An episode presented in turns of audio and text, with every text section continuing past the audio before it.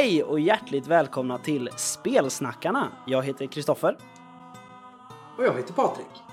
och det är vi som är Spelsnackarna. Jajamän! Eh, Jag sitter och smälter i min lägenhet just nu. Eh, Så jag ber om ursäkt om det klirrar lite då och då, men det är för att min enda chans att överleva den helvetiska värmen är att eh, sätta mig med en gigantisk gin gimlet med mycket is i. Ooh. Mm. Så jag ber om ursäkt för eventuellt isskrammel. Vi har det betydligt bättre. Vi har ju haft sådär kring 30, strax under 30 grader i typ en och en halv vecka. Och det var jättekul över midsommar och så. Men vissa dagar när man inte kan ta sig till stranden och ligga där hela dagen. Eh, så är det ju skitjobbigt. Och idag har vi bara 21 grader så jag tycker det är skitskönt. Ja, jag har 35 grader varmt inne i min lägenhet. Ehm, och nu när vi spelar in podd kan jag inte ha på några fläktar eller dylikt. Så eh, jag dör. Men det går. Ja. Jag, jag har också valt dålig ljudkvalitet. Eftersom hela familjen är hemma. Jag brukar ju spela in i Alvas sovrum. Ja.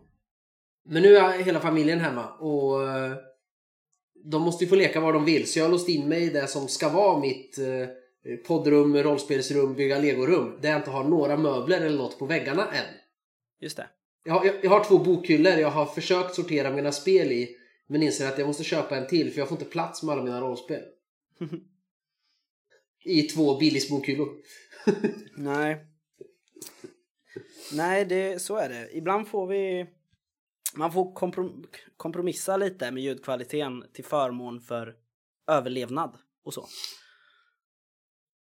Ja. Ja. Eh, men eh, med det sagt så tycker jag att vi sparkar igång det här lilla avsnittet. Ja! Eh, har du några bra nyheter Patrik? Vad händer? Eh, ja, jourhavande veterinär är jättedyrt. Håll er borta från det. Eh, Spelnyheter nej då. Patrik. Jag vet. Eh, det, det är anledningen till att jag inte har kollat så mycket nyheter. Eh, men jag har en. Det finns en ny podd. Ja, yeah. vad är det för podd? Eh, det är en diskussionspodd såklart. Eh, och det är bra och det är dåligt eftersom Phoenix Awards inte har varit än så är det ju dåligt med en ny. Men det är samtidigt riktigt kul. Eh, Spelhyllan heter den. Mhm. Eh, jag vet inte om de alltid kommer ha det så. Eller om det är nu i början för att de har en massa folk. Men eh, de har släppt eh, avsnitt med gäster. Ah. Där de diskuterar. Eh, första avsnittet pratade de med Peter Malmberg som har skrivit Fornsaga. Och han är väl med i Rollspelsfika också tror jag. Mm. Podden. Och en av killarna i Bläckfisk förlag. Och så har de pratat med Robert Jonsson. Också. I ett avsnitt. Okej. Eh, Det är de två jag har hört. Jag vet inte om de har gjort några fler. Nej. Än så länge. För den, den är ganska ny. Jag tror bara det är två avsnitt. Eh, Det är de två jag har hört i alla fall. Okej. Eh, Och det är alltid roligt med, med fler poddar. Ja, absolut. Faktiskt. Så den tycker jag är bra. Mm. Faktiskt. Eh, Sen har jag dålig koll. Vi, vi har ju det är lite Kickstarters som är igång. Men du brukar vara bättre på att snabbt utan att det slamrar i tangenterna kolla upp hur det går för dem. Ja, faktiskt. Uh, ska vi hålla kvar vid poddandet? Jag har också två poddnyheter nämligen. Ja. Eh, efter förra avsnittet var jag ju tvungen att skriva ett extra inlägg på vår Facebook-sida. För jag glömde ju bort att nämna den här den är, jag vet inte hur ny den är, men jag har i alla fall precis upptäckt den. Det är en svensk AP-podd som heter Rollspelsdags. Eh, de har tidigare spelat eh, Lasers and Feelings, eh, några avsnitt och de har jag tyvärr inte lyssnat på. Men de, när jag började lyssna, det var för några veckor sedan när det ploppade upp första avsnittet av en ny kampanj i MUTANT Hindenburg. De var snabbt som fan på repet och började där. Ehm, de är uppe i fem avsnitt nu. De är drygt en timme långa. Så att det är helt värt. Det passar mitt attention span verkligen. Ja. Eh, jag tror jag skrev lite hastigt om vad det handlar om. Det är då i, eh, i Hindenburg som sagt, MUTANT, Fria Ligan-spel. Där detektiven Soja Pling har startat en detektivbyrå. Och så eh, har hon i tidningen Imperiets röst skickat ut en annons och får då hugg på eh, Vesslan som är en eh, muterad mård. Vilket jag tyckte var alldeles för Som roligt. heter Vesslan. Ja, med ä. Eh, och var såhär bara, "Ah, bra?" du, ni ser en vessla framför er? Bara, Nej, vesslan är en mård. Eh, det var lite för kul. Och eh, Laxen. Som då driver Soja Plings detektivbyrå. Väldigt liksom, vad ska man säga? Det är väldigt, en väldigt avslappnad podd. Eh, är, är mitt intryck så här långt. Och ehm, ja, nej, men jag diggar det. det. Kolla in den. Tycker jag allihopa. Eller Och sen- ännu hellre, lyssna, lyssna in den. Ja men precis, lyssna på den absolut. Eh, jag kan som sagt inte uttala mig om deras Lasers and Feelings avsnitt för jag har inte lyssnat på dem. Men deras MUTANT Hindenburg-kampanj är grym faktiskt. Tycker jag hittills. Gud vad bra. Eh, ja, sen har ju Syndikatet podcast påbörjat en ny kampanj. Eller en ny gammal kampanj kan vi väl säga. Det är eh, ett spel som ligger mig väldigt varmt om hjärtat för att jag gillar det. De har börjat spela Tsarens röst till Oktoberlandet från Fria Ligan. Just det. Jajamän. Tre avsnitt har de släppt. Samma sak där. En timme, en och en halv, lagom längd liksom. Ehm. Men jag, jag har ett litet problem med båda de här poddarna. Tyvärr. Mm. Eh, och det är efter att and, vad heter han, Andy Muschiettis It-filmer kom så har jag börjat kalla det för Muschietti-syndromet. Och det är det här att alla scener behöver inte bakgrundsmusik. Ibland måste man förlita sig på bra skådespel och bra regi också. Ehm, Ja. Och det blir lite för mycket i poddform när jag lyssnar i en timme och bakgrundsmusiken liksom aldrig slappnar av eller blir helt tyst. Eh, Så det, Det, fun- det funkar. enda- Det kan funka ibland att ha bakgrundsmusik men då måste det vara helt rätt volym på den. Och Mm. den måste hela tiden anpassas. Eh, och det får inte vara för mycket som pratar. Det funkar i soloäventyret så tycker jag att det funkar hyfsat bra i, i de flesta avsnitt. Eh, Mm. Men i en del blir det också för mycket. Däremot i Trollblod, där var det alldeles lagom. För där kunde det vara bara lite prassel i löven och, och sådana där mer ljudeffekter. Och så var det musik nästan hela tiden. Men det var det, det var lagom på något sätt fast det var nästan hela tiden. Medan Mm. i vissa avsnitt, eh, där har varit eh, vissa bortom avsnitt där, första julkalendern Robert Johnson gjorde av Soläventyret, då vart det för mycket. Ja, jag har lite, lite svårt för när det ligger liksom ett ljudspår hela tiden. Hela, det, ja. det tar min fokus lite grann. faktiskt. Precis, för du, för du är musiker så du sitter och försöker lyssna in. Nej, jag bara så här, kan jag få lyssna på deras röster istället? Ja. Eh, men ändå så är det två riktigt bra poddar, två riktigt bra kampanjer. Eh, Det är så det bra. kan vara värt att lyssna in. Jag kom precis på att jag har en poddnyhet till som borde ha kommit först för den är viktigast nämligen. Jaha. Eh, Rollspelsmåndag tog ju en paus för om det är ett halvår sedan tror jag. Eh, eller så. ja, så minst ett att- halvår.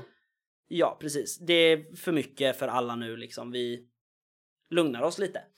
Eh, häromdagen, helt plötsligt, de, för så här, de slutade ju spela Häxhammaren, alltså del två i eh, Törnetronen-kampanjen till Symbarom, mitt i. Och jag Just. blev jätteledsen för det, för jag vill verkligen lyssna. För att jag, är det kampanjer jag ska spela eller spellidda som Rollspelsmåndag har kört, då vill jag lyssna och få inspiration. För de är så jävla bra på det.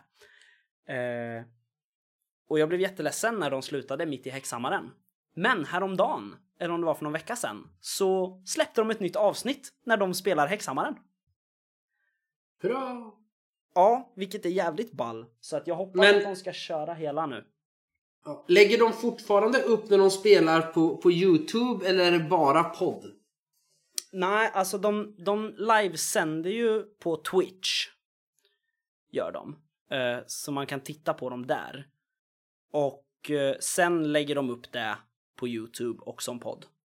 Ja, för jag började ju kolla på dem på, på Youtube och sen började de släppa det som poddavsnitt också.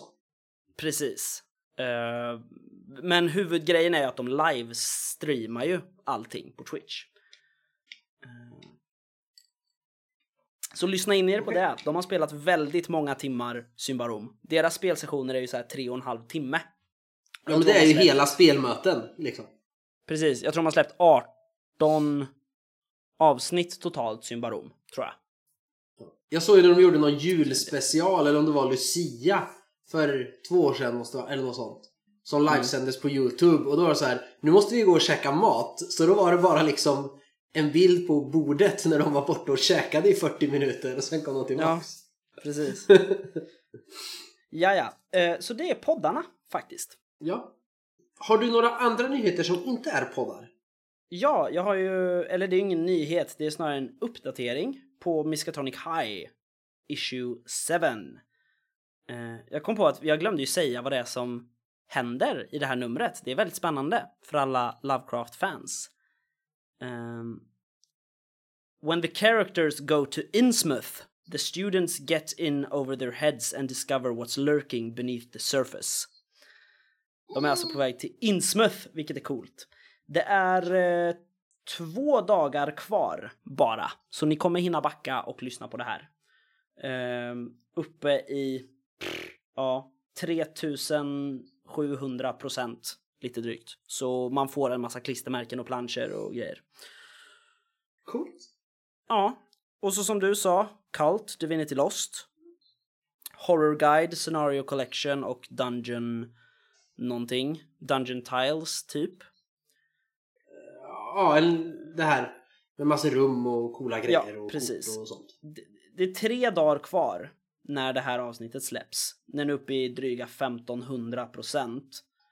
Så är man på en physical stretch goals nivå så får man ganska mycket prycklar just nu. Kan vi väl säga utan att liksom behöva bläppa ner allt för mycket. Nej, nej men det var en väldigt eh, krånglig kickstarter där så jag fick nog inte fram allt heller i förra avsnittet men man får ju gå in och läsa istället just för att man kunde backa så mycket olika saker och dubbelsaker och trippelsaker så att den, den är krånglig att bena ur när man sitter och pratar. Ja, och även när man nej, läser det, så att kolla in den istället. Ja, men vi lägger en länk till den förstås. Men det, jag tror att de flesta stretch goals är typ fler kartor till eh, den här kampanj eller kartboken då. Och sen eh, tror jag att det blir en till scenariobok. De har låst upp den så att man kan köpa en ny bok som add-on med fler scenarion i. Ehm, Ja, ja. Så lite så. Men kolla in den, absolut. Har du något mer? Nej, jag har fått mina Forbidden Lands-tärningar som jag hade som add-on på Bitter Reach. Ah, Det bara damp ner för två dagar sedan och jag bara uh, nu har de lyssnat på vårt avsnitt och hört att Patrik fick inte sina tärningar. Men nej, för så damp det ner ett mail idag att eh, Hej! På grund av pandemin har det varit problem att trycka så här extra grejer men tärningarna är på väg till folk nu. Mm. ja. Nåväl. Eh, har du spelat något sen sista? Ja, jag har spelat Mice and Mystics Kul. igen med Alva. Det var ganska kul. Eh, och sen har jag ju för första gången för en vecka sedan med dig och Mattias spelat eh, FFGs Star Wars Edge of the Empire. Jajamän. Faktiskt. Ja, första intryck? Eh, introscenariot i den här beginnersboxen är bra. Jag Mm. läste det ju sen när vi hade spelat det. Det är ett ganska bra scenario. Eh, det som är så tråkigt lite grann det är just att kartor och alla tokens och där det följer med mycket tokens och grejer i lådan. Mm. Men det är ju bara till det här introscenariot.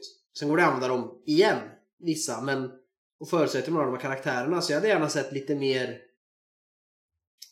obundna liksom eh, figurer på de här pappgrejerna och någon karta till. En, en, en rymd, en systemkarta kanske. Ja, just det. Lite mer allmänna kartor. Ja, men en över system. Liksom, i alla fall. Eh, Mm. Men äh, första intryck är ju att vad heter det? Jag- Jag tycker att det är svårt att avgöra hur lätt eller svårt någonting är. Eller sannolikheten snarare. För då, de kör ju Genesis-systemet. Du har eh, tärningar i olika valörer och du har hur bra du är på någonting så får du bra tärningar och så får du dåliga tärningar beroende på svårighetsgrad.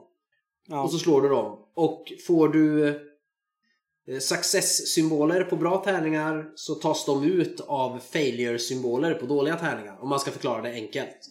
Ja. Och sen finns det ju sätt för att uppgradera så att istället för gröna tärningar med två success-symboler så får du gula tärningar där du har större chans att få många successes. Mm. Eh, och det är klart, jag fattar ju att okej, om jag bara har gula tärningar istället för gröna, då har jag lättare att lyckas. Det, det förstår jag ju, men just hur stor chans har man? Eh, och likadant så tror jag att man måste nog som spelledare spela det här lite grann och tänka till och stå i situationer för att det finns ju en väl inbyggd, vad ska man kalla det, fail forward och även typ success backwards mekanik i det som är ganska intressant. Det ja, gillade jag. Jo, så är det ju. Att även om du lyckas så kan du få disadvantage-symboler på tärningarna. Att okej, två disadvantages. Jag, kommer lycka, jag lyckas väldigt bra. Men något dumt händer. Eller du kan faila men få massor triumfsymboler så att eh, du får advantages du kan använda. Och någon av dem kom vi fram till. Är man i strid kan man spara ett advantage för att uppgradera en tärning till exempel. Mm. Eh, eller få en, en, en bonustärning i nästa runda. Men i övrigt så känns det som att det är så här. För det står ju, det finns något exempel, men annars är det ju så här. Ja, du får eh, en fördel. Eller du lyckas. Någonting bra händer fast du misslyckas med det du ville. Och där tror jag, för när man läser att man måste antingen vara en duktig SL från början eller spela spelet och tillsammans med spe- komma fram till att men ungefär vad kan det innebära? Mm. För det tycker jag inte användes ordentligt. När man fick sådana och likadant när man fick de här disadvantage. Att du lyckas men du får en dålig komplikation senare. Mm. Just det. Eh, Men det, men det är en intressant mekanik. Men jag tror det är att jag har spelat det så lite så jag inte har grepp än riktigt. Eh, Just det. Men jag tycker introscenariot var ett bra. Det var ett bra... Man fick prova liksom. Det var ju som gjort för man skulle testa massor olika saker. Ja, verkligen. Eh, Och verkligen just prova allt, alla delar av själva grundreglerna. Ja, Eh. verkligen. Mm. Och boxen är ju välfylld också. Alltså det var ju med... Och, och den är gjord som många boxar har gjort så här. Read this first. What is a role playing game? Och därefter läs, läs eh, äventyret. Och regelboken kan ligga lite bredvid. För det står i äventyret lite hur man gör. Nu är det strid. Kom ihåg att man strider på det här sättet. Så det är en bra box. Förutom att det inte följer med några blanka rollformulär. Ja. Och det går inte att köpa sepa, ja, och det går inte att köpa separat heller. Man kan bara ladda ner rollformulär. Mm. Det tycker jag är dåligt. Mm. Men det var ett kul spel tycker jag. Verkligen. Jag har ju kört introscenariot tre gånger nu. Just Eh, Så jag tycker ju verkligen om det. Ja, det ska bli en spännande kampanj för vi har ju diskuterat lite med Mattias. Vi har ju pratat om det att vi delar ju upp lite nu, har bestämt att vi ska göra det. Vem som ska spelleda och under hur lång tid och så. Ehm, Och vi har ju pratat lite med Mattias om hur vi ska få det till en kampanj faktiskt. ja. Eh, Men det ska nog gå. Mattias är ju väldigt bra på att bygga kampanjer, tycker jag personligen. Eh, ja. Så det ska Jag gillar framförallt, jag gillar ju framförallt min idé. Vi ska hitta någon gubbe på en planet som heter nästan likadant som en krydda, för det är ganska coolt. Han ska ha en adoptivdotter som tror hon är hans dotter, som har häftiga frillor. Och en liten grön groda genom sumpmark. Eh, Så ska vi få alla de här att eh, börja mucka med Imperiet när Imperiet är för hårda på oss. Och då kan vi dra till en spa-anläggning på Naboo och se när de här rebellerna blir utrotade och bara ta det chill och ingen kommer jaga oss. Ja, Det vill ju jag. gillar den idén. Få in i kampanjen. plan. Vi startar upproret och sen så drar vi oss ur. Och får. Ja, precis. Har du spelat något mer? Jag har inte gjort det. Hur många saker har du spelat sen sist? Jag tror att vi har spelat lika mycket faktiskt. Jag tror att jag bara har spelat, äh, det är inte så bara det, men jag har spelat Edge of the Empire med dig och Mattias och så har jag spelat True Chronicles. Tror jag. Det brukar du ha spelat. Ja. Eh, de vänner jag har, som sagt, ni slår mig om jag säger fel. För jag glömmer hela tiden. Eh, men eh, men det, det tror jag faktiskt att det inte är mer än så. Men det gör ingenting. Eh, du har ju redan berättat hur det gick i Edge of the Empire. Eh, Mm. Så det, jag har inte så mycket att tillägga faktiskt där. Men oj oj oj, snösaga alltså. Det är tydligen så att den här jättestora isjätten vi har lyckats spåra, han tänker tydligen starta krig i hela Vildland. Det är ju jättedumt. Ja, vi, jag berättade ju sist om hur arg min karaktär Is var när hon har ridit runt och varnat folk, Nordanslätt och Halvvind och de bara "Pff, okej, kriget är på gång, hej då. Ehm, så när vi red in i Storhavn så vid förra mötet, då var hon så här, ja, det är på väg typ 40 000 orkir hit. Om ni inte vill lyssna på mig så skiter jag i er. Säg det direkt så jag kan rida vidare och låta er dö i er dumhet. Ungefär så gick det till. Ehm, fick reda på att vår... Ja, vi fick reda på att vår polare Oktar tyvärr är borta. Han skulle tydligen ha försökt leta efter oss. Ehm, Oj, oj, oj. Undrar om man träffar kom- honom igen någon gång? Ja, fundera på det. Det är kanske är någon som måste vara vän med honom i nästa kampanj också. Maybe Eh, perhaps. Maybe perhaps. Nej, men eh, det, vi avslutade hela förra spelmötet med att det kom in några snubbar. Det är alltid snubbar. Det är ändå Riot Minds vi pratar om. Eh, så det är alltid snubbar eh, som kom in Mm. och eh,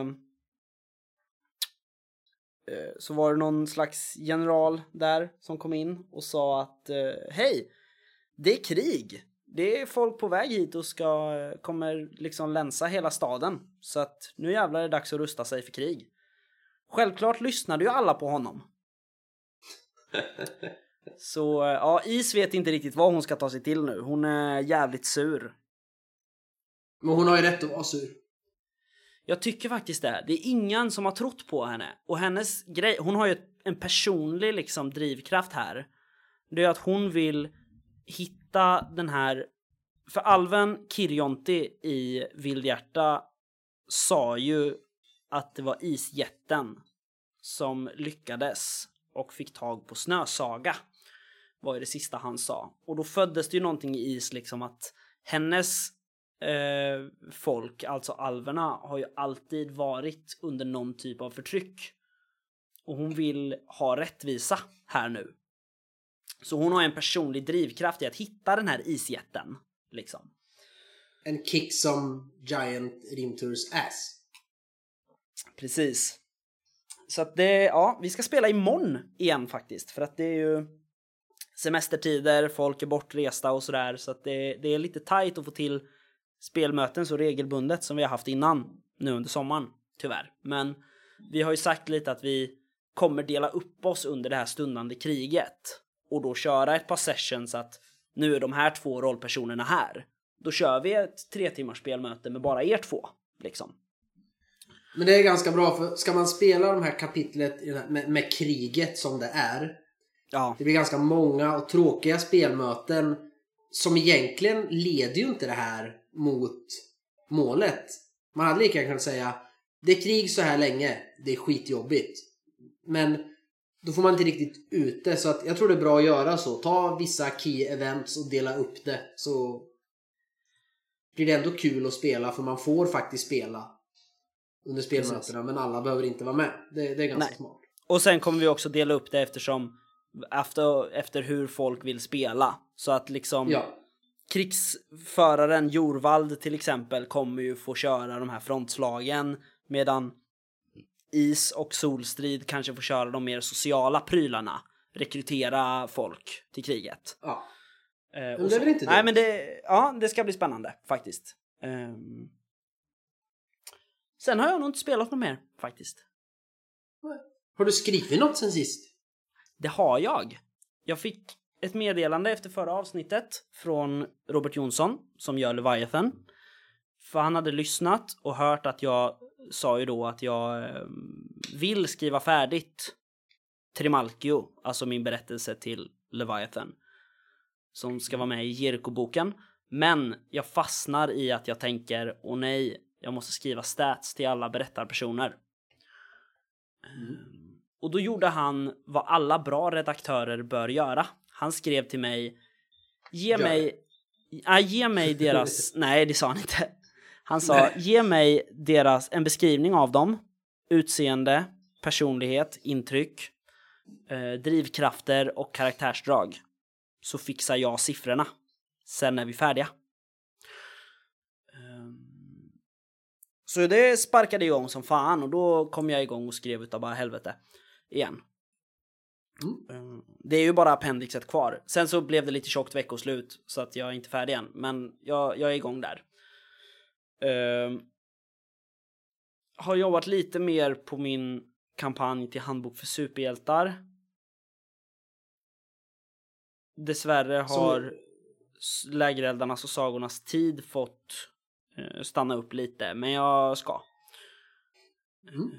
Sen skrev jag ju ingenting, men jag gav ju både dig och Mattias idéer till att börja skriva saker. Ehm, Ja! Ja, för jag, jag är ju sån här. Jag vägrar ju sitta i fikarummet på jobbet på rasterna och prata om liksom bundna lån och renovering av altaner och sånt där skit. Utan jag sitter på min plats och så dricker jag kaffe och läser en bok. Och så läste jag häromveckan Robinson Crusoe av Daniel Defoe och tänkte att helvete! Jag vill göra ett bra rollspel på det här. Överleva, bygga en civilisation.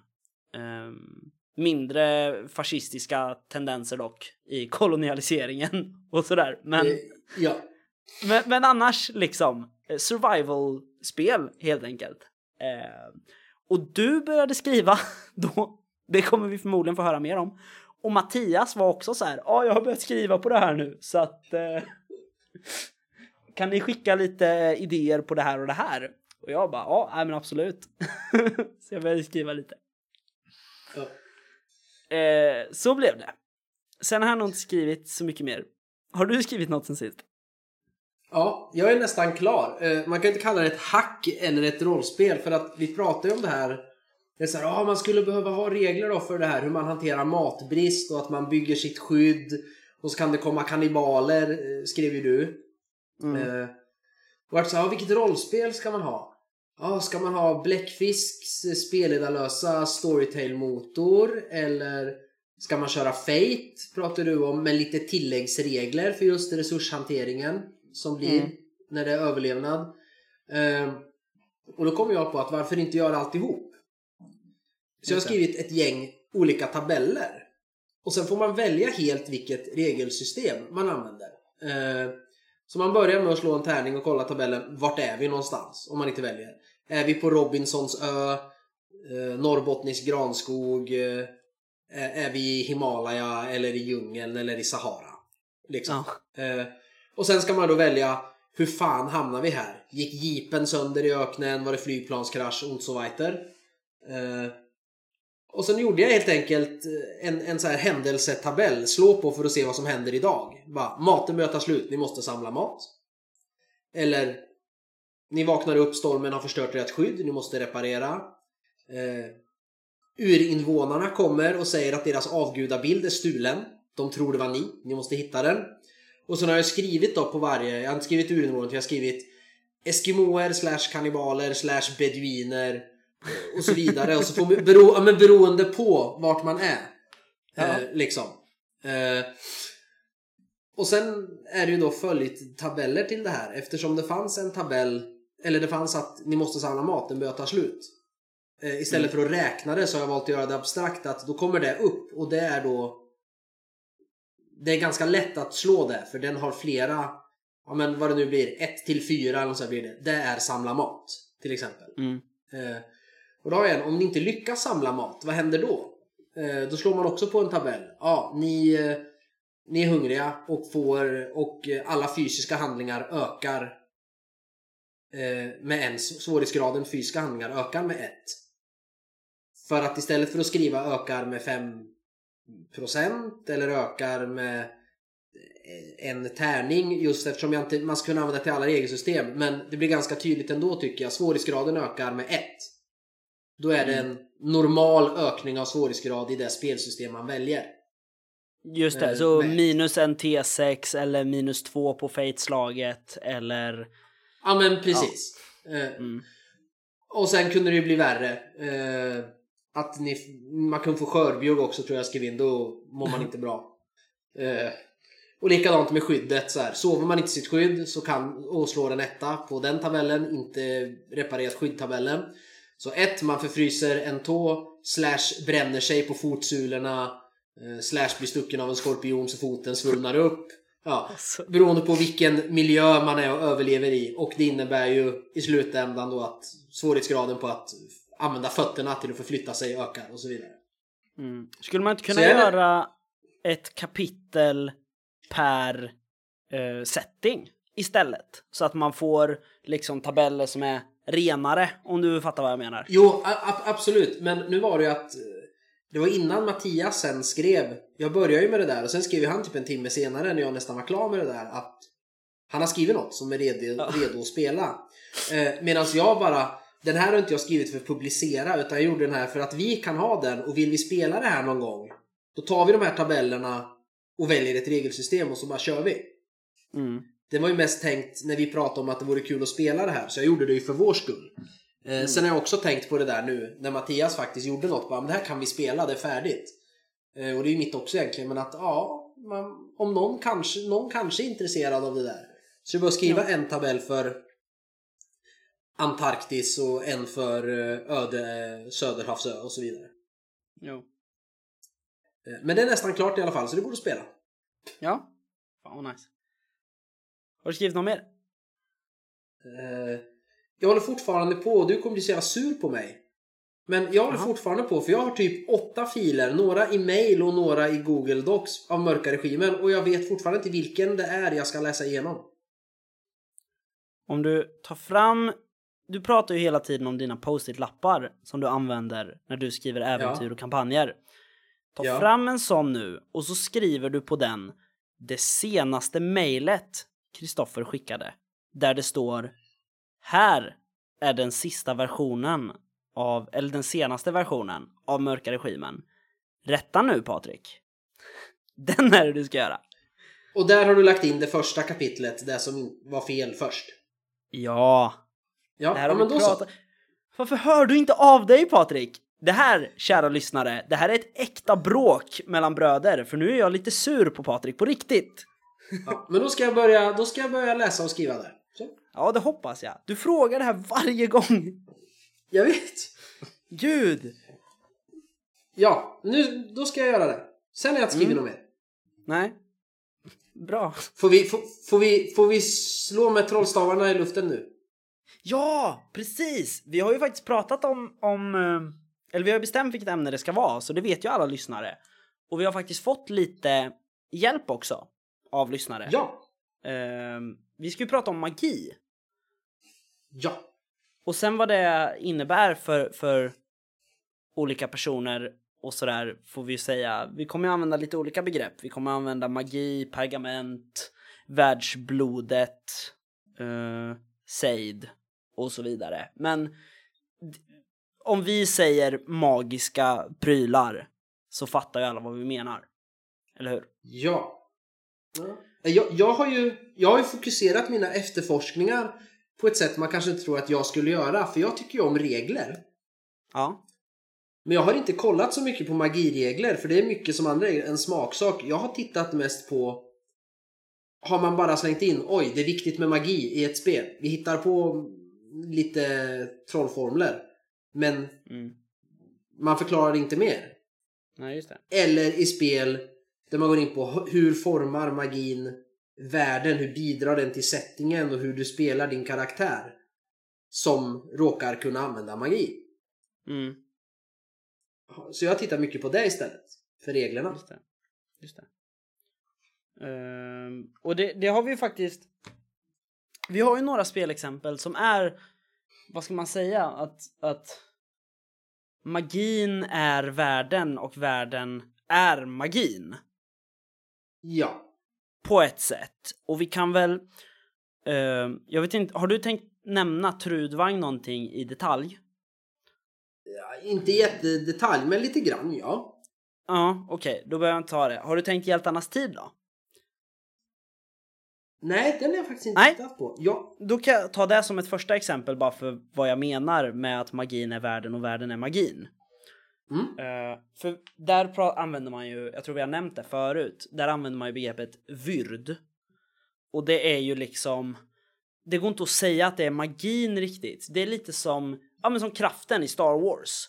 Liksom. Det finns i alla saker och vyrden är överallt och det, världen sätts samman av vyrdtrådarna. Och vad en magiker gör, eller en, en vyrdvävare, det är ju att man väver om vyrdtrådarna. Om liksom, om vyrdtrådarna, väven ligger framför mig nu att det brinner inte på det här fältet. Vad jag gör då när jag kastar någon slags pyro-telekinesi kraft det är att jag väver om vyrdväven så att det är en eld här istället. Liksom. Ehm, Precis. Du koncentrerar de röda trådarna till eh, samma ställe och så... Puff. Ja men precis. Så det är verkligen att magin existerar hela tiden och det är vissa som har lärt sig att påverka den där den ligger. Det är väl någonstans där vi menar att magin är världen och världen är magin. Mm. Tror jag. Om du håller med mig alltså. Ja, och, och då finns det ju... Det är ju det jag tycker är ett bra, hyfsat bra exempel. Det är inte Mm. jättemycket. Just att man... Det är inte bara ja, och en del kan trolla. Du måste ha sy eh, 12 för att kunna bli trollkarl. Eh, Du kan trolla. Kasta åskvigg och varselbli och antimagi kan du lära dig. Och så bara jaha. Okej, var kommer magin ifrån? Nej, men det var inte viktigt. Banka precis. Medan här finns det ju faktiskt en liten förklaring. Verkligen. Och det är det jag menar. Så att det, det är på något sätt utgångspunkten.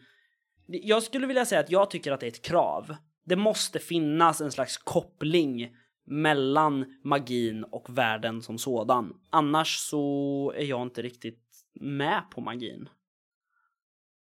Ehm, Jag skulle säga att det beror lite på varför jag vill spela. jo, men det är I- sant för att ja. I, I Svärdets sång till exempel Mm, så är det ju inte jättetydligt. Det finns ju olika vägar för magiker att gå. mm. Men det är ju inte jättetydligt var magin kommer ifrån och var den är. nej. Utan det är ju lite mer Drakar och Demoner eh, 87-it. Fast det förklarar lite bättre. Men Svärdets sång, jag spelar ju det med lite nostalgiska ögon. Ja, Som att jag spelar en bättre version av Drakar och Demoner 87. just det. Eller en bättre, en annan version. Och när jag spelar något av de spelen, jag kan mest skratta lite åt det bara, jo men det är det här, kolla, vi har krigare, vi har jägare, vi har magiker. Ja, fine. Eh, så det behöver inte, men jag vill ha det. så att jag Mm. håller med dig och håller med dig inte. Jo Eh, men alltså, jag håller med dig också där. För att det alltså magi är ju, jag tycker att det ska vara väldigt mystiskt. Eh, I, nu ska vi se, är det vilket spel är det heter mystiska krafter i? Eh, vet jag att jag har stött på. Det, kan det vara att det är i Dungeon World att vi spelar rollspel säger det? I sin kampanj. Mystiska krafter. Kanske, men ja, jag är för osäker. Jag vågar inte säga Ja, ja. skitsamma. Det ska vara dolt i dunkel lite grann också. det är lite mer spelledarinfo. För att det är som sagt, alla ska ju inte ha koll på att magin ligger överallt i varenda liten blomma eller växt eller hus som existerar. För att om vi förstår magin, då är det inget främmande och coolt med den. Så att Nej. jag är väldigt tudelad, men samtidigt som jag tycker att om vi kollar på liksom Drakar och Demoner 2016 där det är så här, ja, ah, Drakar och Demoners värld genomsyras av magi som inte finns i vår värld. Den som kan de här, den som kan styra de här magiska krafterna kallas för magiker. Och sen står det, vem som helst kan lära sig magi. Alla som har ett CL-värde i färdigheten besvärjelsekonst kan vara magiker. Och det är allt. Sen står det inte mer. Um, och då är det så här, okej, då känner jag att jag som spelledare kan, vad kommer det ifrån? Vad är det för någonting? Samtidigt som det är lite trist att det bristar information så mycket. Ja, jag föredrar oftast när det är mer och den betyder någonting. Och Sen behöver det inte vara jättemycket. Jag tycker faktiskt, eh, och det här trodde ni aldrig jag skulle säga. Jag tycker Dungeons and Dragons 5th edition gör det helt okej. Mm. Eh, För den enskilda magikerns skull. När man läser eh, om de olika yrkena eller arketyperna eller vad det heter i Dungeons and Dragons. Vad heter det? Klasser skulle jag översätta Ja, det. klasserna. Klasserna. Just det. Ja, men då om du läser om en eh, druid. Då står det där att det är kraften i naturen. Man hämtar sin kraft från, eh, från naturen och det levande runt omkring. Och ens mål är att eh, bibehålla en balans med hjälp av Mm. sin magi. Eller en cleric. Man har fått magin till skänks av sin gudom. Som man tillber. Och så vidare med de andra olika magikertyperna. Så det är ju Mm. liksom en sida i regelboken som ändå förklarar lite var kommer din magi ifrån och vad använder du den oftast till? Ja. Och det Eh, tycker jag, sen inget om, om hur det funkar att kasta magi i det, men just det här det lilla det står. Det tycker jag är ganska lagom. För att man får ändå lite grann, men man kan ändå bestämma mycket själv. Eh, när man bygger sin värld. Men jag tycker det är ganska bra skrivet på respektive magikerklass. Faktiskt. Jo, så är det ju. Alltså, så det är ju som du säger, alltså Clerics får det ju av sin gud. Ehm, och där har du ju kampanjmaterial rakt av. Ehm, Ja. Vi är säkert fyra stycken i min dd grupp som har slutit avtal med olika gudomar som är bättre eller sämre, får man väl säga, val. Men liksom att man vet varifrån man får de här krafterna. Um, sen i DND gillar inte jag det här med att alla har magi ifrån början. Um, det, det är lite, jag ty- ja, då blir det inte lika mystiskt och coolt, tycker jag. Då är det så här, ja alla kan några cantrips och några level 1 spells liksom. Men vad är grejen med det då? Om alla kan göra samma saker? Då vill ju inte jag spela Ja. cleric om min rogue-kompis kan göra exakt samma saker. Nej, men det beror ju också på vilket spel. För man kan ju dra det till ytterligheter. Mm. Eh, men i, i vissa spel, fantasyspel, där det finns eh, tio stycken klasser som är bra på att slåss. Och så finns det en eller två som kan använda magi.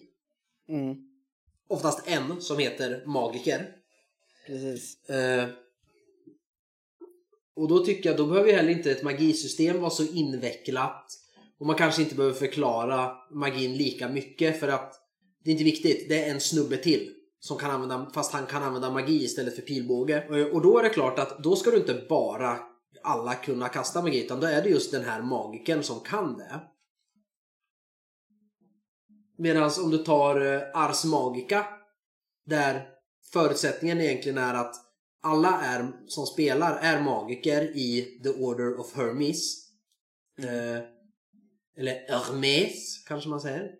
Eh, eller så är man en omagisk companion som följer med dem och hjälper magikerna. Där är ju hela grundförutsättningen egentligen att man är magiker eller har med magiker att göra. Mm. Och då så kan ju allt annat vara svårare och mer mystiskt än magi. För magi är ju vardagsmat. Det är det som är grunden att här handlar det bara om magi. Då måste den förklaras ännu djupare än allt annat. Då måste det finnas, och det gör det ju, väldigt tydligt hur all magi funkar och var den kommer ifrån. Och man kanske inte behöver ha lika mycket heller så här snedtändningstabeller och såna här grejer för att det här är ju vardagsmat. Vi är magiker. Men fan om jag försöker öppna en dörr med, med mina armar, det kan fan gå dåligt. Och, och så här, det kanske är det. Där ska man inte kunna göra mer vanliga saker utan magi istället. Just det. Man ska inte kunna slåss med svärd för man är så van att slåss med sin magi. Så den dagen du tappar din magi då blir du ju helt liksom förstörd. Ja, och handel, försvarslös. Alltså försvarslös. Ja. Eh, så det är nyttighet åt andra hållet. Men kan vi, kan vi vara, då är vi överens om i alla fall att det, det handlar om spelet mycket. Um, men är det också i beskrivningen tänker du? Eller? Alltså, får det fattas beskrivningar i ett spel där ingenting är beskrivet? Eller behöver magin vara väl beskriven även i ett spel som är dåligt beskrivet? Eller fattigt beskrivet kan man väl säga. Alltså om ett spel är fattigt beskrivet och magin är det som beskrivs bäst. Eh, då kräver det att det är ett spel som fokuserar just på magi och att alla ska vara magiker. För annars har man ju gjort något fel. Och jag tror det är därför det ofta är lite fattigt beskrivet med just magi. För först gör man så här: okej vi ska göra ett, ett fantasyspel. Eh, man, eh, man måste kunna använda färdigheter, hur gör man det? Ja, ah, T10 slå högt. Bra. Då har vi bestämt det. Och så strid, det är ju viktigt. Så vi måste göra ett väldigt avancerat eh, och simulationistiskt stridssystem. Och så gör man det. Just det, fan, vi har magiker också.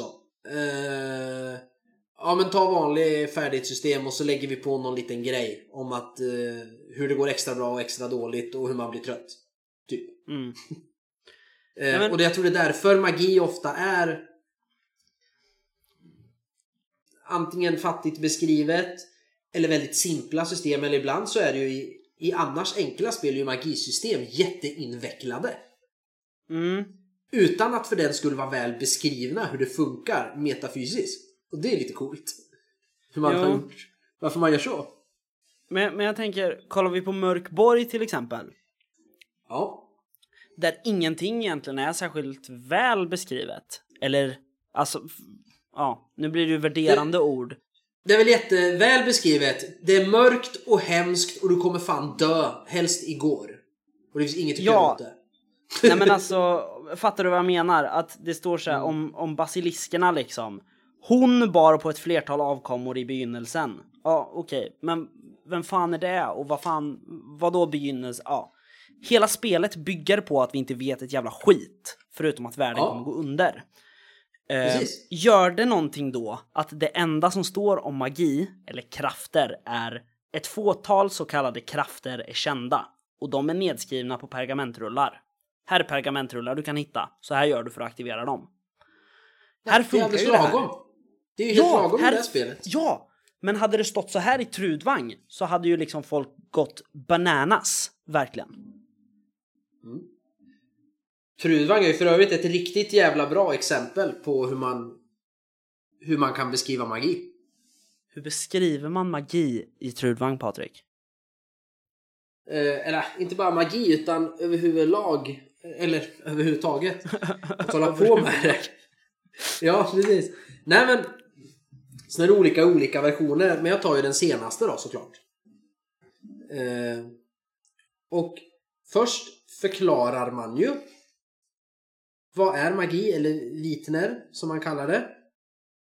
Och att det finns tre sorters. Vit, mörk och eh, vagvritner. Eh, mittemellan. Ja, och, och så ska troll, det första en trollkarl gör är att välja. Och så står det lite grann vad Vitalia, eh, the one who brings light, vad det är för något. Det är ju mjukt och fint och ljust. Eh, du, det är väldigt svårt att snedtända och att det går dåligt. Men det är också svårt att nå riktigt höga nivåer och få någon större kraft. Medan mörka vitner så står det lite bakgrund och så om dem. Det är att de är jävligt kraftfulla och lätt att lära sig. Men eh, det är väldigt lätt att snedtända och du snedtänder fan hårt. Och så finns mellanmjölk. Där man blandar båda. Så att det inte blir så farligt men du blir ganska duktig. Och det är ju bra att det, det får kosta någonting att vara jävligt mäktig. Då har du en, en risk som du medvetet tar. Det tycker jag är bra.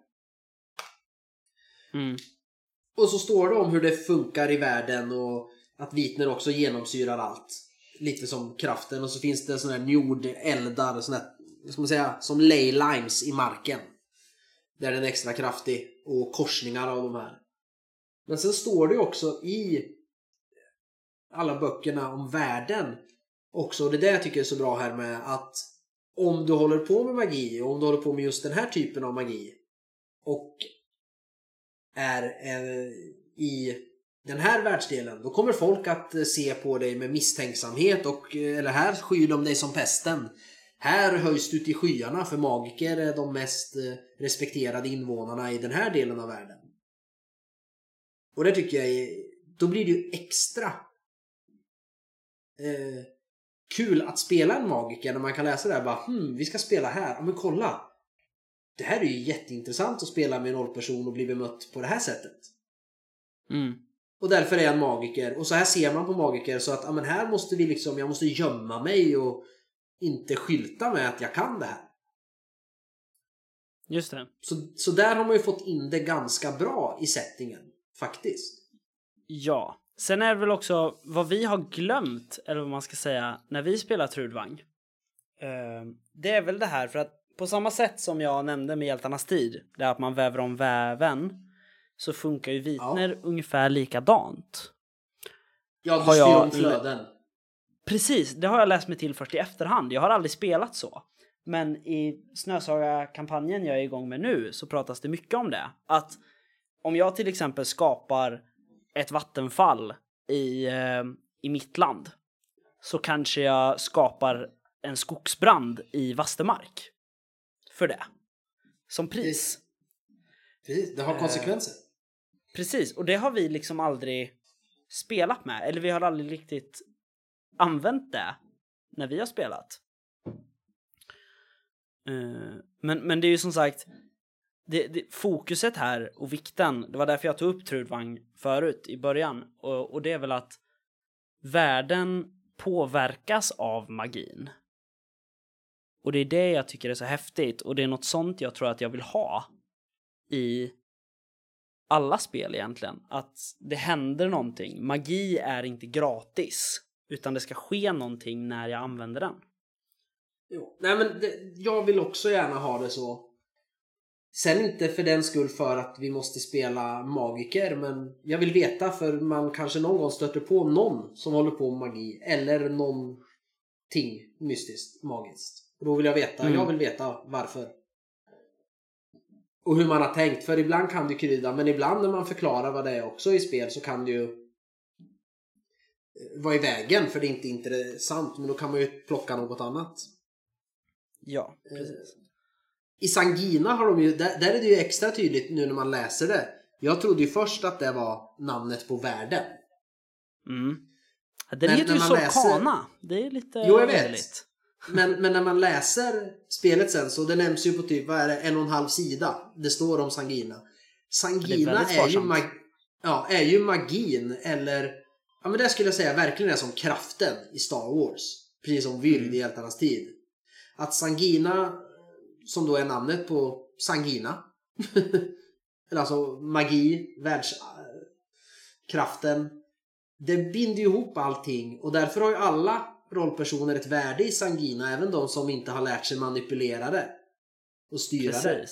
Men alla har ju ett värde och de påverkas av det. Och alla vet väl, om jag förstår rätt, att det finns någonting, men de, eller man känner det ju. Men man är inte medveten om att det heter Sangina och att det finns. Men det skulle bli Precis. kul att läsa tilläggsmoduler om magi och om världen eftersom de har från början valt, alltså spelet heter Sangina som är den här Mm. kraften eller magin. Men det står så sparsamt om det i grundregelboken. Ja, vi Så har ju att faktiskt... Det ska bli kul att se vad de gör med det. Ja, vi har ju blivit direkt kontaktade av Sanginas skapare, alltså några av herrarna på Sorkfeber. Ehm, och ha, ha, där de har beskrivit det här för oss lite tydligare. För att de säger det själva att det är väldigt sparsamt beskrivet i grundboken. Ehm, och så står det lite om ett rike som heter eh, Ibstar som helt styrs av magi eller är beroende av det.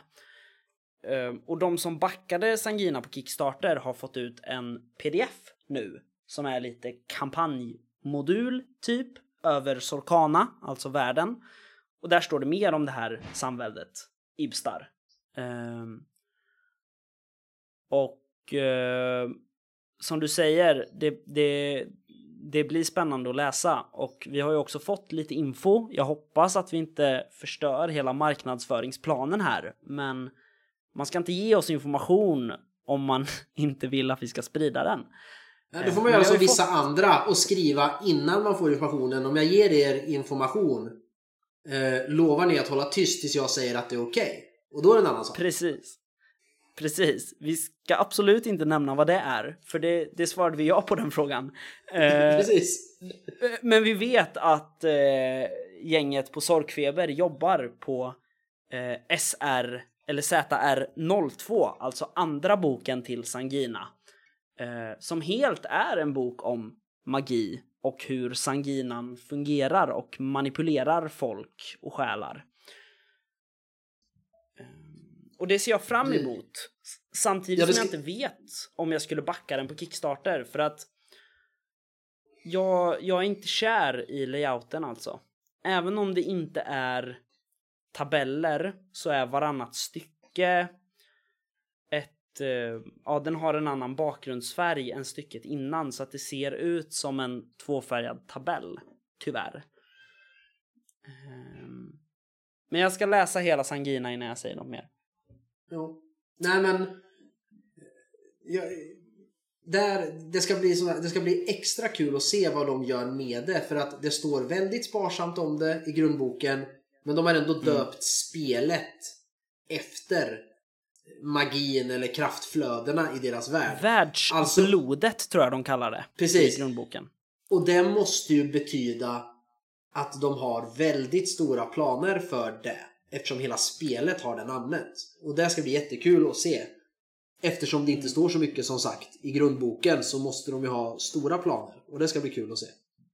Precis. Sangin är väl blod på franska också, om jag inte missminner mig. Så att det är ett rimligt namn.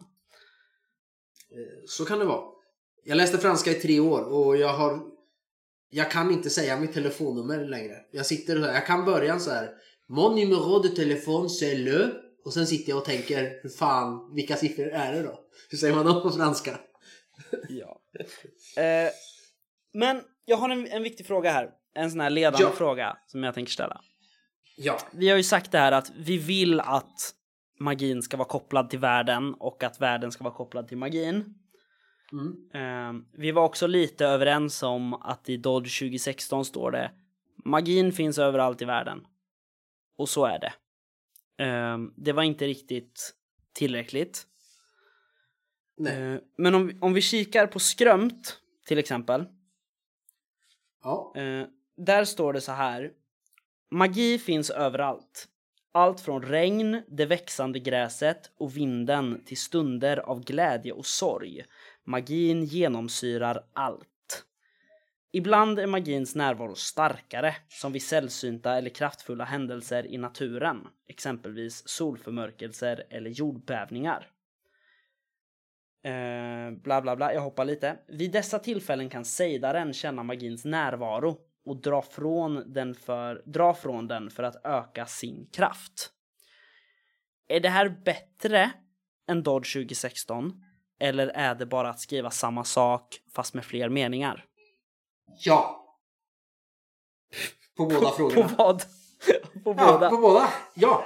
ja. Det är bättre men det är ju egentligen samma sak. Men mm. att de har skrivit det på ett annat sätt gör ändå att det känns som att det förklaras mer. Just det. Uh, men, men för om man pratar med liksom om sejderna, eh, som det heter då, eh, det het, kapitlet heter Magi och sejd. Man behöver magiska komponenter när man gör magi. Och det är ofta alltså en ja, det, det, är saker som, är, som besitter magisk kvalitet på olika sätt. Det kan vara en bärnsten, en sällsynt blomma, en del från ett djur, mossa från en sten som aldrig har nåtts av solens strålar. Alltså, det är i naturen. Så här pratar man mer om att det är lite som DND, att många magin kräver liksom komponenter för att användas. Ja, men i och med det mm. förklaras det ju ännu mer. Eller just det, ja. I och med där får man exempel och förslag så att man själv, okej okay, den genomsyrar allt, ja men då vet man det. Den finns och det finns i naturen. Men i och med det där så broderas det ju ut mer och du kan göra mer av det och komma på sådana saker. Mm. Så att jag tycker det är bättre i så fall. Och det är ändå lagom i ett spel där sejdandet och magin har en roll men det är inte det viktigaste. För att Nej. man ska inte, sådär, det är lika fel att göra ett spel där tanken med spelet är att du ska ta att man Ja men säg vi tar DND eller Drakar och Demoner. Du ska slå dig fram och lösa uppdrag och spöa folk. Ja. Eh, att, förklara, att ha 150 sidor som förklarar exakt hur magi fungerar och alla magiker. Och så har du fem sidor om allt annat. Det är ju jättefel. Mm. Det är lika fel som att ta då Ars Magica där man ska fokusera på att alla faktiskt är magiker och, och så vidare. Och så har du eh, 50 sidor om hur magi fungerar och alla magiskolor. Så har du 200 sidor om hur man dödar någon med armborst. Det är lika fel. Ja, um, vi kan väl ha som slutsats att vi är inte lika öppensinnade här som vi brukar vara i andra diskussionsavsnitt. Nej. Uh, här är vi lite hårdare faktiskt. Um, vi ha, vi så kan man göra som vi har gjort i mörka regimen. Där har vi, inte, där har vi förklarat det tydligt men inte mycket. Um, mm. Präster kan använda mirakel. Mirakel kommer från Gud. Klart. Ja, fast sen har vi lagt in lite, en liten så här, kommer miraklen verkligen från Gud? Och det är lite öppet, precis, det är väldigt öppet för spelgruppen. Eh, vi har ju lagt ett förslag på där man tror det kommer ifrån, men frågan är om det verkligen är därifrån det kommer. Eh, men, men vad jag menar är att vi brukar ju vara så här, ja, ah, nej, men det här är rätt och det här kan också vara rätt om du vill det och så vidare. Men här är det ju mer eh, om du har gjort ett spel där du tydligt knyter an magin till världen, då måste du beskriva det i hela magikapitlet.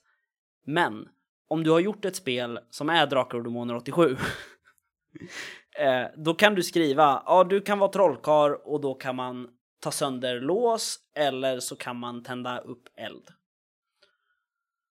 Men det blir roligare om du skriver två sidor till och förklarar eh, att det är en urdrake som sitter fast i isen som är att det är hans eh, hjärna som är vaken i hans sömn som är källan till magin i världen. Precis. Det blir lite roligare då. Så du kan göra det. Ja.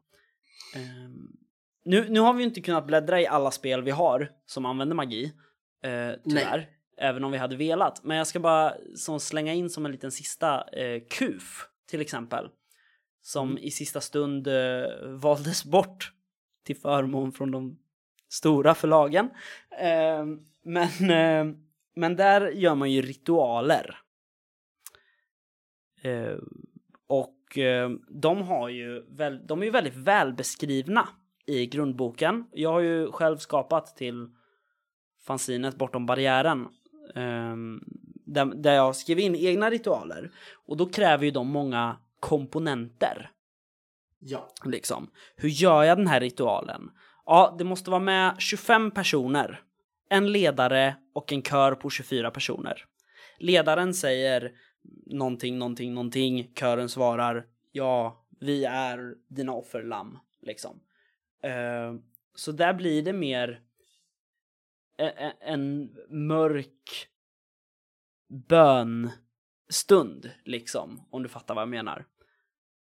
Um, så, så, att det är liksom, även om vi inte vet riktigt vad det är som händer, ehm, i själva ritualen, de metafysiska grejerna. Men det finns många förutsättningar som, som måste uppfyllas.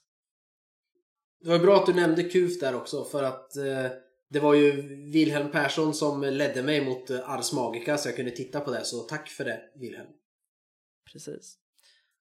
Ehm, Ja, nej men magi helt enkelt.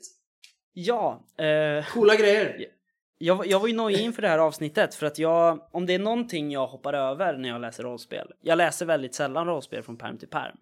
Stridskapitel och magikapitel, de kastar jag bort på en gång. Ja, jag gör, är jag, inte gör också, jag gör också ofta det.